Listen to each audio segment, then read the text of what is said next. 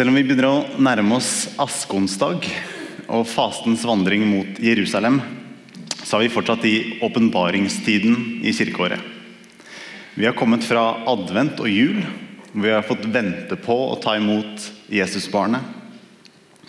Og nå er vi i perioden i kirkeåret som gradvis avdekker, gradvis åpenbarer hvem Jesus er. Vi får se hvordan Gud gjør seg synlig i vår verden, og hvordan han er for menneskene.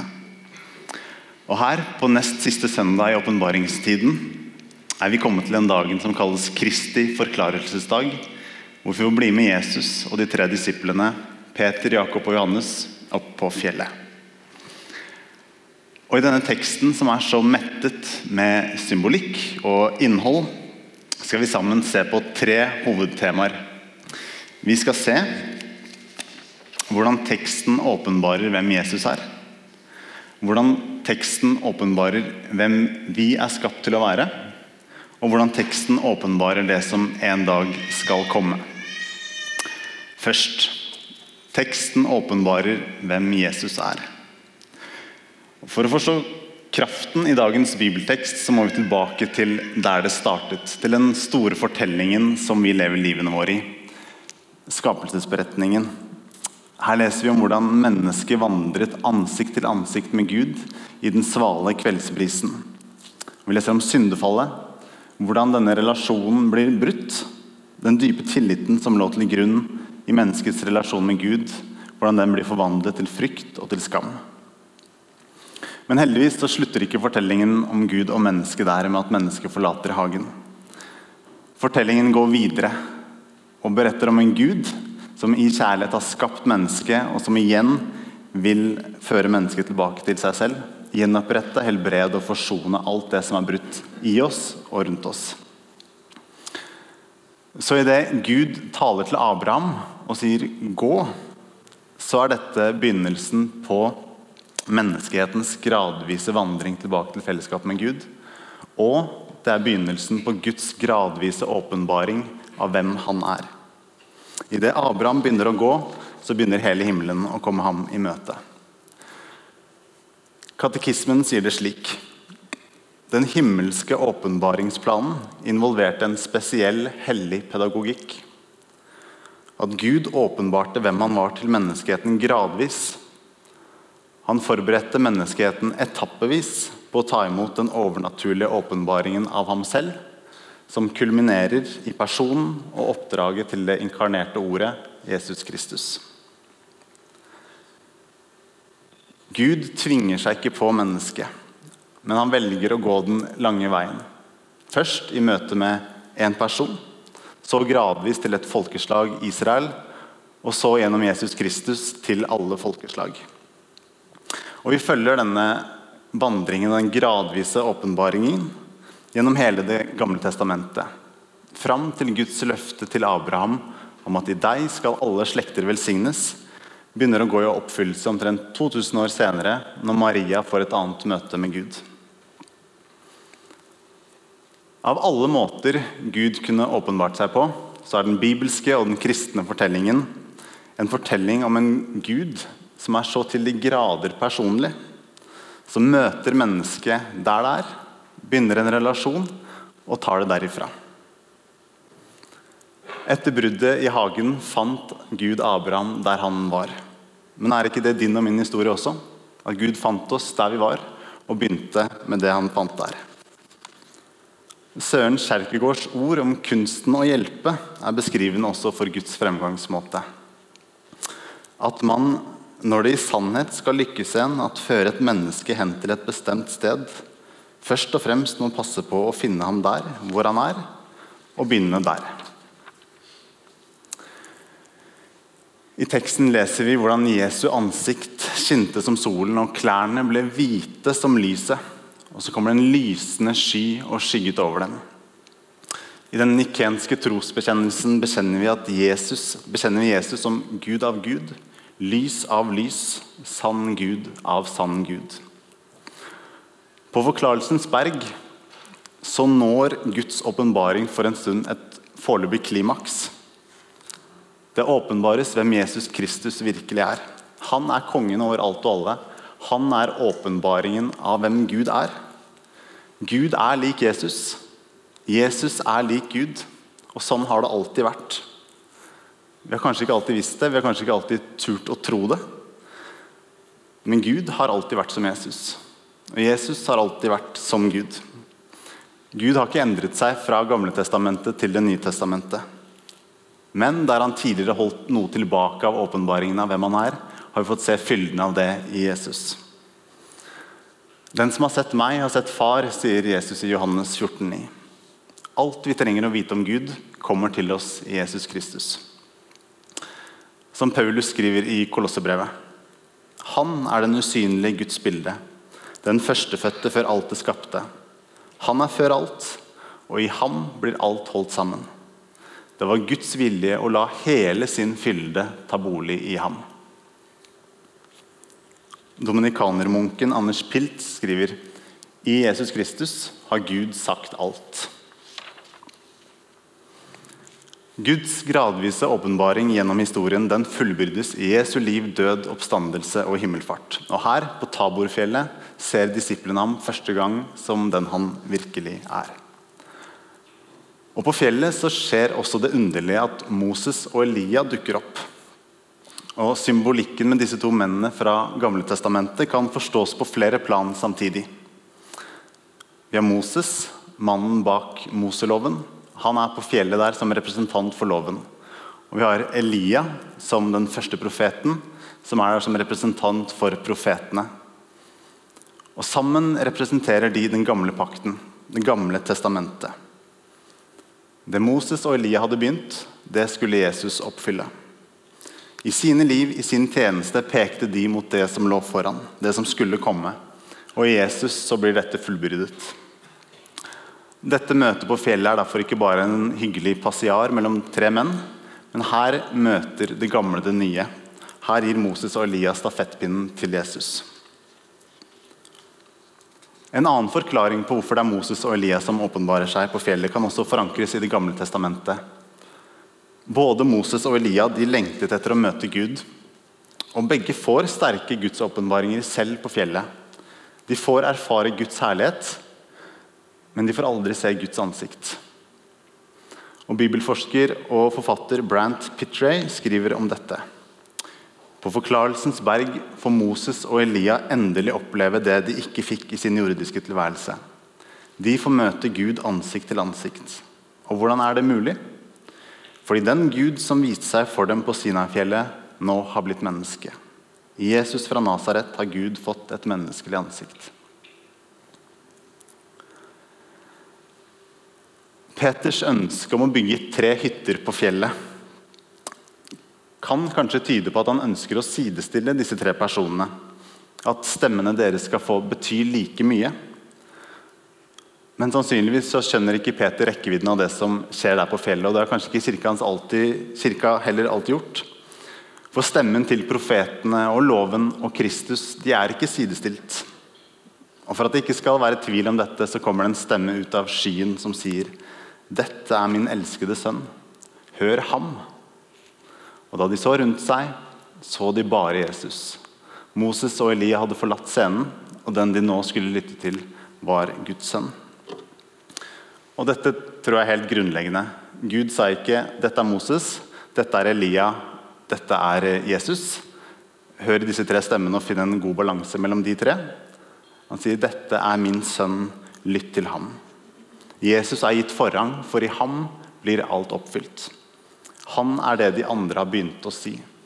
I Jesus Kristus har Gud sagt alt. Når vi leser i Lukas 9 at en samaritansk by ikke ville ta imot Jesus og disiplene, ville Jakob og Johannes kalle ild fra himmelen.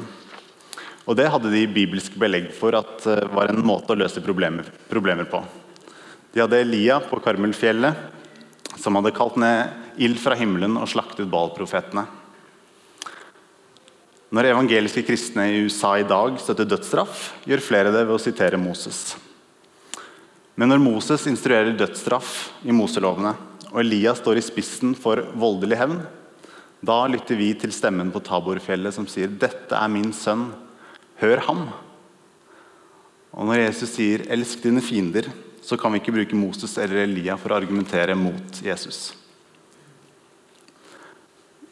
Når vi prøver å bortforklare Jesu ord, når vi ikke ønsker å tilgi, når vi ikke ønsker å gi når det koster, når vi ikke følger den veien Jesus har kalt oss til, trenger vi på nytt å lytte til den stemmen som sier 'Dette er min sønn, hør ham'.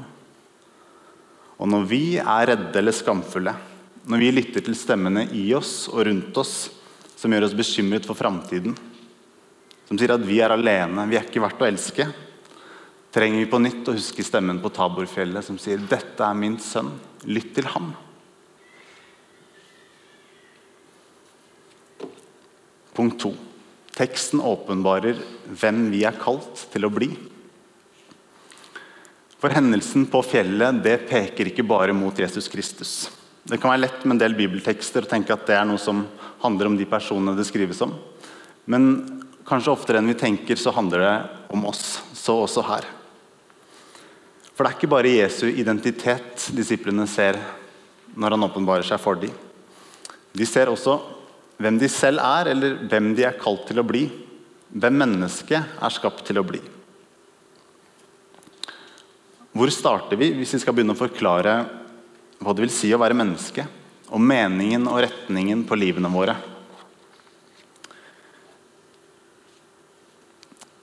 Et ordtak, eller en velsignelse, utledet fra Mishna, den første store nedtegnelsen av jødisk muntlig tradisjon, går omtrent som følger.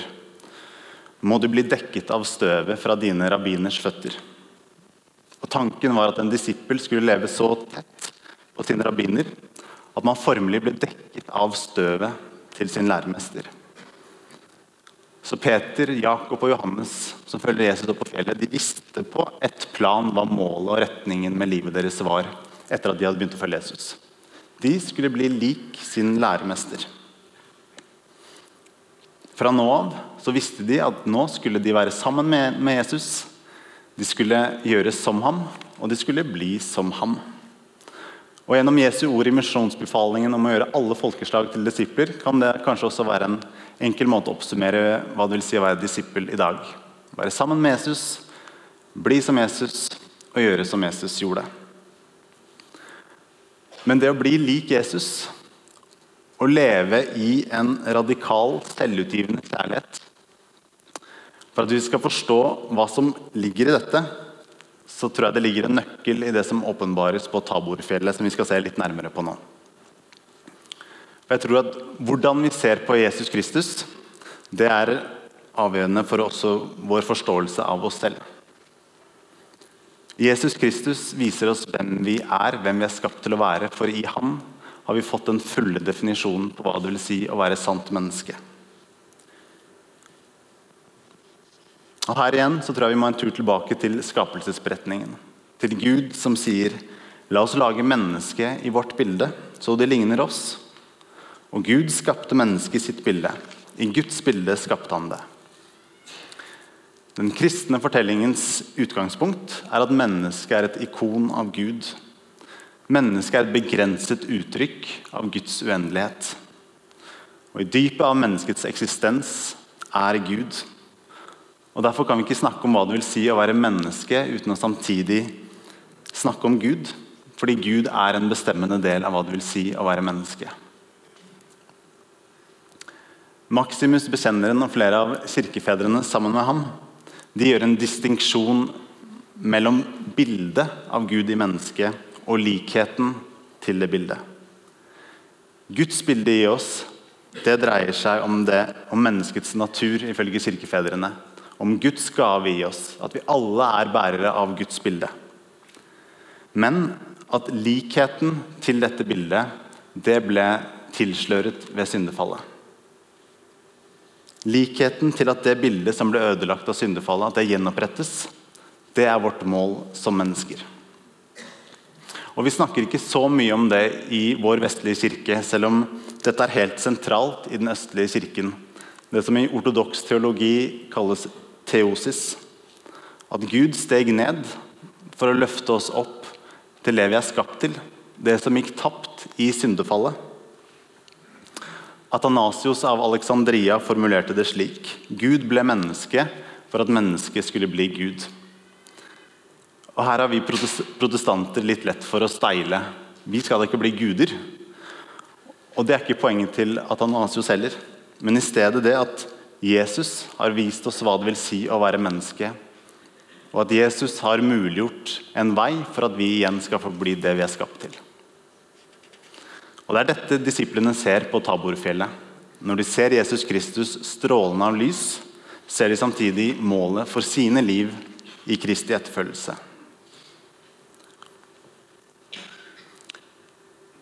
Men å stadig bli mer lik Jesus Kristus det handler for det første ikke om å bli mer åndelige vesener, hva nå enn det skulle være. Og det handler ikke om å bli mer lik en snekker på 30 år fra Galilea. Det handler igjen om at jeg og du skal få bli sant og helt det mennesket Gud har skapt oss til å være. I en refleksjon over Paulus' utsagn i Galaterbrevet 2,20 Jeg lever ikke lenger selv, men Kristus lever i meg, uttrykker broder Emil fra TC dette på en mesterlig måte. Enhver som tar imot Jesus Kristus, blir ikke frarøvet sitt sanne jeg eller fratatt sin personlighet. Å bli veiledet av Ånden betyr ikke å bli roboter. Tvert imot. Ånden gjør at Kristi liv i oss blir vår mest personlige inspirasjon. Med en uendelig ømhet får han Kristus til å leve i meg. Og jeg blir på ingen måte fordrevet. Tvert imot. Jeg blir mer virkelig meg selv og fri.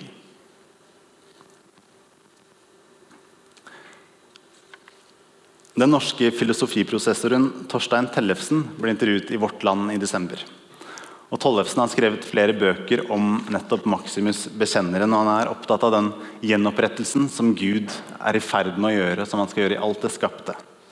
Og Han sier i dette intervjuet at det greske ordet for frelse, soteria, betyr mange ting.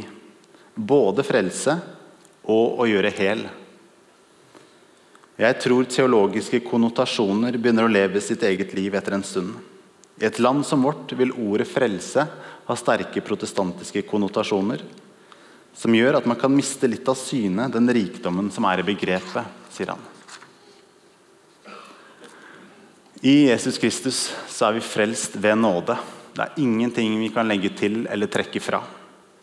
Men av den gaven at frelsen får utspille seg og utfolde seg, får rom i vårt liv, det er den prosessen som Gud inviterer oss til å spille en rolle i. Prosessen at vi i fellesskap med Gud gjennom hele vårt liv stadig mer blir helbredet, stadig mer hele, stadig mer de menneskene vi er skapt til å bli. Og Det er dette som er den litt sånn avgjørende distinksjonen når vi snakker om å bli lik Kristus. For bevisst eller ubevisst så reduseres det fort til å handle om moral. At å elske Gud og vår neste det er noe vi skal klare. Men Kristus kom ikke for å gjøre oss til moralske, flinke folk. Han kom for å helbrede oss, for å gi oss overflod av liv. Bli i meg, sier Jesus. Det er vår oppgave. Vi er grener som ikke kan gjøre noe av oss selv. Vi kan ikke bære frukt men vi kan forbli podet på treet. Ut fra der kan forvandlingen skje. Vårt endelige mål som mennesker det er å bli formet i kjærlighet i fellesskap med Gud. Slik at det som synden har brutt i oss, blir gjenopprettet, blir helt, så vi blir lik Kristus og dypest sett oss selv. Og Skildringen i dagens tekst i Matteus gir et vakkert bilde på hvordan denne forvandlingen skjer, når vi leser den sammen med Paulus sine ord i 2. Korinterbrev 3,18.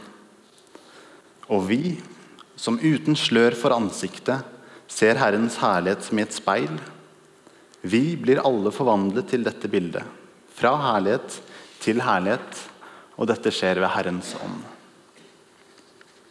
Likheten til Guds bilde i oss blir gjenopprettet når vi vender blikket mot ham. I bønn, i fellesskap med Gud som sørger for forvandlingen. Men det er Den hellige ånd alene som sørger for forvandlingen. Men det skjer ikke uten menneskets deltakelse. Vi må velge selv å begi oss til fjellet Tabor, der transfigurasjonen venter. Og Det er her Kirken gjennom årtusener har gitt oss verktøy. Hjulpet oss til å se hvordan vi kan åpne opp for at forvandlingen skjer i våre liv. Gjennom bønn, gjennom fellesskapet, gjennom gudstjenesten. Gjennom trospraksiser og sakramenter. I alt hvor vi åpner opp for fellesskapet med Gud, så Den hellige ånd kan forvandle hjertene våre. Hvis vårt endelige mål som mennesker er å bli formet i kjærlighet til de menneskene vi er skapt til å bli, da spiller det at the end of the day ikke noen rolle om du er flink, eller om du har tatt mange dårlige valg, eller om du står midt i krevende omstendigheter. For uansett hvilken omstendighet vi befinner oss, er vi da på et eller annet plan midt i Guds mål for livene våre. Uansett. Så lenge vi overgir livene våre i Guds hender, så finnes det ingen sted, ingen omstendighet, som er unntatt fra Guds helbredende nærvær. Og Det betyr jo ikke at Gud vil de vonde og meningsløse dagene. Men da kan også disse dagene få bringe med seg dyp mening, selv om vi ikke ser det der og da. Og til slutt, helt kort I teksten åpenbares det som en dag skal komme. For Dagens tekst åpenbarer ikke hvem Jesus Kristus er, eller hvem vi er skapt til å bli. Hendelsene har også et kosmisk eller et apokalyptisk preg for den peker mot alle tings gjenopprettelse. Når alt det skapte skal gjennomlyses av Guds lys, og alt skal bli som det var ment. Og For at vi skal forstå hva gjenopprettelsen i Jesus innebærer, så må vi for en tredje gang tilbake til skapelsesberetningen. For hva var det som gikk tapt? Hva er det som må gjenopprettes? Vi har sett på hvordan dette dreier seg om hvordan likheten til Guds bilde i oss er blitt forvrengt og må gjenopprettes. At tilliten mellom Gud og mennesker ble ødelagt. Men kirkefedrene peker også på en annen konsekvens. At det skjer noe med hvordan mennesket ser Gud og ser verden. I paradiset vandret mennesket ansikt til ansikt med Gud. Og hele tilværelsen var gjennomlyst av Guds herlighet. Og hele Adams og Evas tilværelse var omsluttet av denne realiteten. Følgen av fallet blir imidlertid, som den britiske forfatteren Philip Gerard uttrykker det, at Adam mister evnen til å se Guds bilde og herlighet i seg selv og i resten av skaperverket. Det som har skjedd, har fått ham til å beskytte seg fra stråleglansen av guddommelig lys. Synet hans er forvrengt, formørket, han kan nå bare oppfatte ting i deres ytre form og ser ikke lenger hva de er i seg selv. Mennesket har mistet evnen til virkelig å se. Til å se Guds bilde i andre mennesker, men også Guds avtrykk i hele skaperverket. Og ja, synden har forvrengt blikket vårt, og det har forvrengt skaperverket. Men Gud er og forblir den samme. Synden har heller ikke utslettet den opprinnelige godheten som ligger som et avtrykk i alt skapt. Og Det er det jeg tror vi er også invitert til gradvis mer og mer å få erfare. At når vi lever livene våre kobla på Jesus Kristus, når vi blir i ham, når Den hellige ånd får rom til å virke livene våre og forme oss i kjærlighet, at det da skjer noe med blikket vårt. At våre hjertes øyne i større og større grad vil øves opp til å se den realiteten som allerede er. Den engelske poeten Elizabeth Browning skriver i sitt epos 'Aurora Lei' Earth is crammed with heaven, and every common bush afire with God. But only he who sees takes off his shoes. The rest sit round and pluck blackberries. Earth is crammed with heaven. I Jesus Kristus møtes himmel og jord. Når øynene våre får mer og mer lys, kan vi begynne å ane at alt som står mellom Bibelens første og siste side, alt som skjer mellom historiens begynnelse og slutt, at i Jesus Kristus så integreres den virkeligheten som allerede er. Den virkeligheten som egentlig alltid har vært. Og det er Gud. Det er i ham vi lever, beveger oss og er til. Han er virkeligheten med stor V, som vi er skapt til å leve i fellesskap med. Den virkeligheten, det var det mennesket levde ansikt til ansikt med i hagen. Og det er fortsatt realiteten vi lever og inviteres inn i. Men nå, etter syndefallet, så er det et slør mellom oss og den realiteten. Og det vil bli den realiteten vi en dag skal leve til det fulle i. Den dagen hvor sløret igjen trekkes fra, og alle ting blir gjort nye. Hvor vi igjen skal få leve ansikt til ansikt med Gud.